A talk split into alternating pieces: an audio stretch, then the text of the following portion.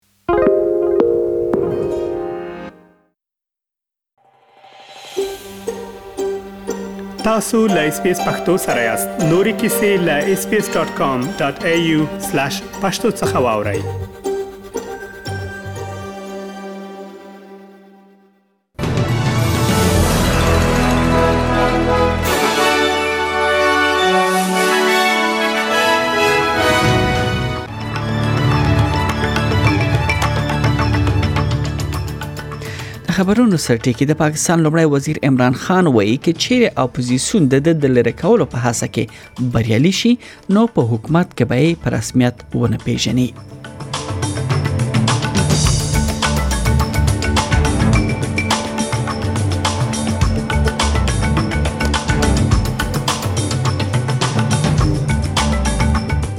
بل خو پاکستان کې د ترهګرۍ ضد محکمې حافظ سعید ته د 12 کال بند سزا اورولې ده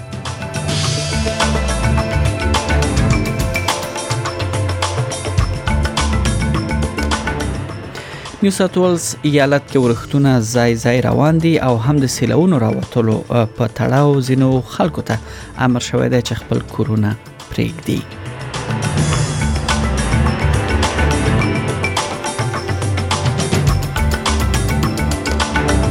خو بلخوا اروپאי اتحادیه او همدارنګه متحده ایالاتو د روسیې د ولسمشر ولادمیر پوتین پر دوو بالغو لونو باندې بندیز لګولای دی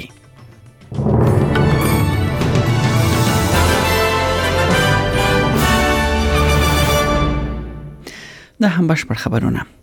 د پاکستان لومړی وزیر عمران خان وایي چې چیرې اپوزیسیون د د لری کولو په هڅه کې بریالي شي نو په حکومت کې یې په رسمیت نه پیژني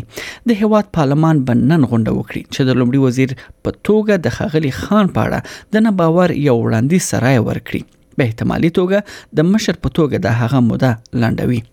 د پاکستان ستره محکمې روانه اونۍ حکم وکړ چې خاغلی خان د پارلمان د منحلولو پر مهال غیر قانوني عمل کړی دی او د هغه پر ضد یې د بې اعتمادۍ د رای اچونې د مخنیوي لپاره د وخت د انتخاباتو غوښتنه کړې وه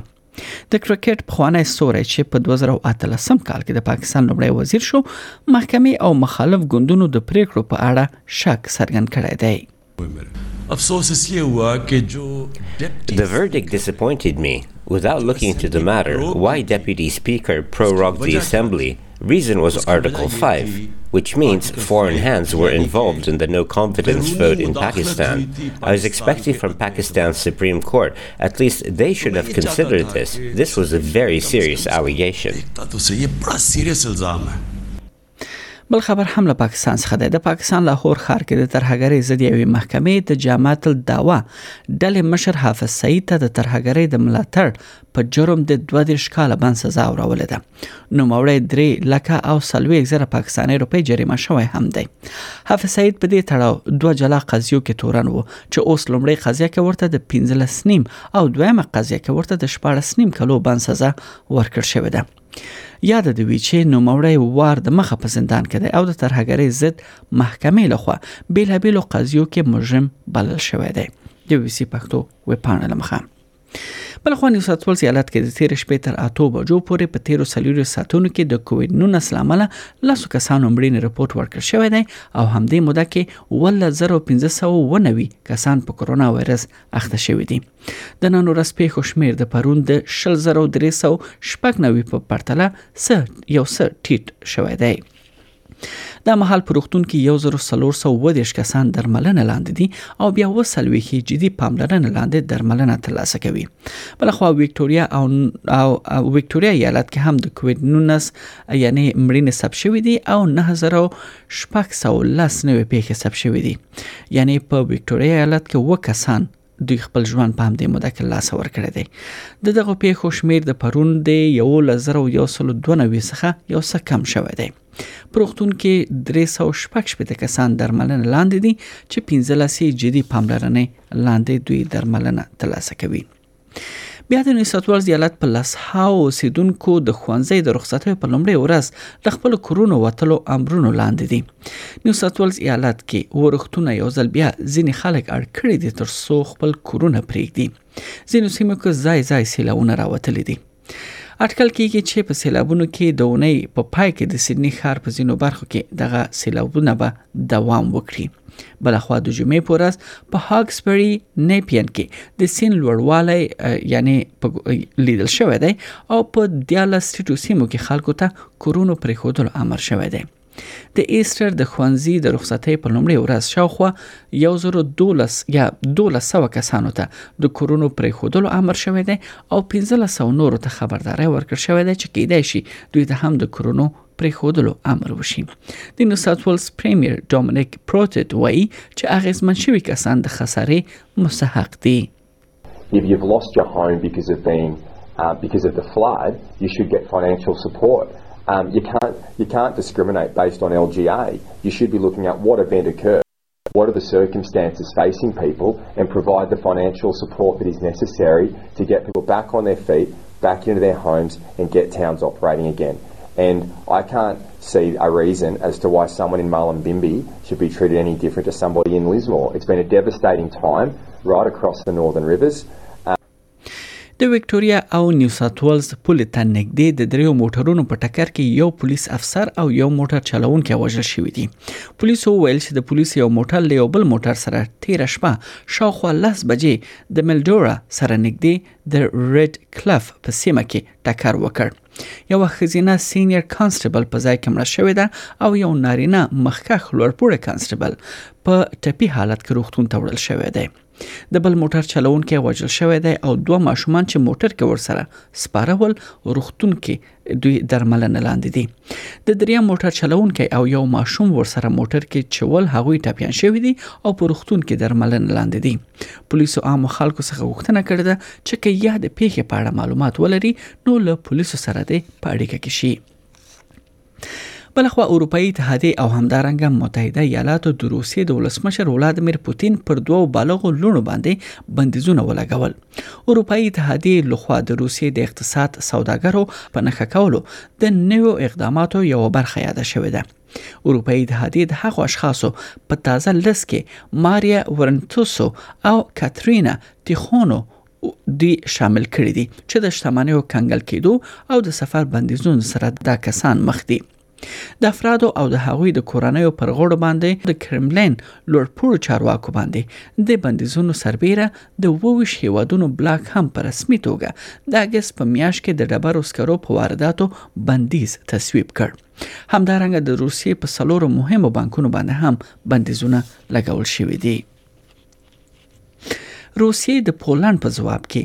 15 پولندي ډیپلوماټان شړلې دي چې ګواکې پولند یې د هغو روسانو د ایستلو په خبرګون کې چې ویلي وو د ډیپلوماټیکو یا پوښښ لاندې دوی جاسوسان وو د روسیې د بهرنیو چارو وزارت د دوشنبه پر ورځ ویل چې دوی د پولند سفیر ګریستوف یعنی کریجیوسکی احضار کړی دی او ورته ویلي دي چې د پولند خوا مخکنی اخراج شوی کسان چې د روسیې دیپلوماټان ول دا د وارسا له تړون څخه سرغړونه ده او د پولند دا ګام به د روسیې او پولند ترمنځ دوه اړخیزې اړیکې ویجاړې کړي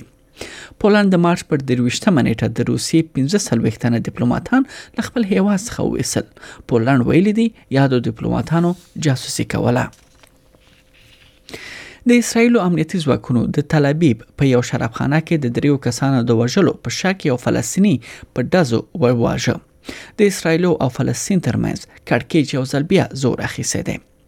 برید کوونکی د پنځشنبه په شپه د تل ابیب ښار د غنګونې په وی لار کې یو شرابخانه ته ننوتلی او د زی پیل کړی وی چې لته تخت مخکې دوه تنه ووجل او سو نور یې ټپیان کړل دریم قرباني د جمعې په ورځ د خپل ټپونو لامل مړ شوی دی په لسګونو امنیتي افسران د چولک په مرسته ځای پر ځای شوي ول او د ساتونو لپاره سړکونه بند دوی بند کړي ول همدې عملیاتو دوران کې اوسیدونکو ته ویل شوی وو چې په کور کې پاتې شي چارواکو ویلي دي شکمن بریدګل د تلبیب په جنوب کې د جفا په ښار کې د یو جماعت ته سیرمه پر شوی او هلته ووژل شو ځای خبرونو کې ویل شوی دی چې شکمن بریدګر د دزو په تبادله کې وژل شوی دی او روسي خبر داته او روسي خبر داده چې د یمن د نړیوال پیژندل شوی حکومت نوې مشر د جمعې پورز وویل چې هغه شورا چې نوموړی مشرۍ لپاره غوره کړی دی دی به د هیواد د اته کلنې کورنۍ جګړې د پای ته رسولو لپاره کار وکړي په خپل لومړنۍ ټلویزیونی وینا کې رشاد العلمی د خپل حکومت لمد ملاتړو سعودي عربستان او متحده عرب اماراتو څخه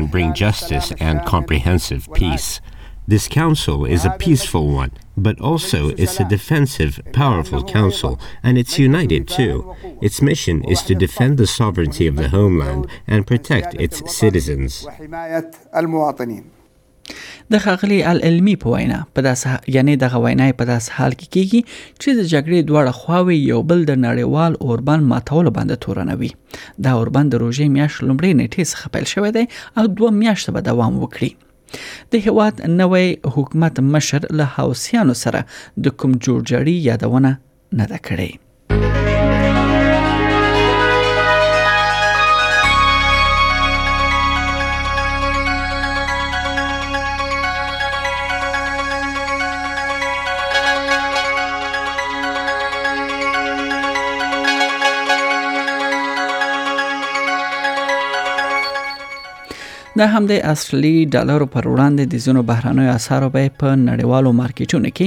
یو اصلي ډالر 0.40 امریکایي سنت ارزښت لري 0.8 یورو سنت یو اصلي ډالر 15.8 افغاني روپی 110.4 پاکستاني روپی یو اصلي ډالر شپږ 50.95 هندۍ روپۍ 2.3 اماراتي درهم او 0.15 انګلیسي پنسه ارزښت لري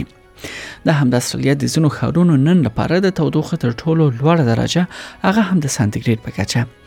سیدنی کې هوا باراني د سلی دی شپه ملبون کې اسمان برګ د شپږویش په برزبن کې هوا باراني د وویش په پارت کې هوا لمریزه د درویش په اډلیډ کې هوا لمریزه ده اته ویش په هوبارت کې هوا لمریزه څلېرویشت په کمبیره کې هوا باراني ده یویش او په خړ کې ډاروین هلته هوا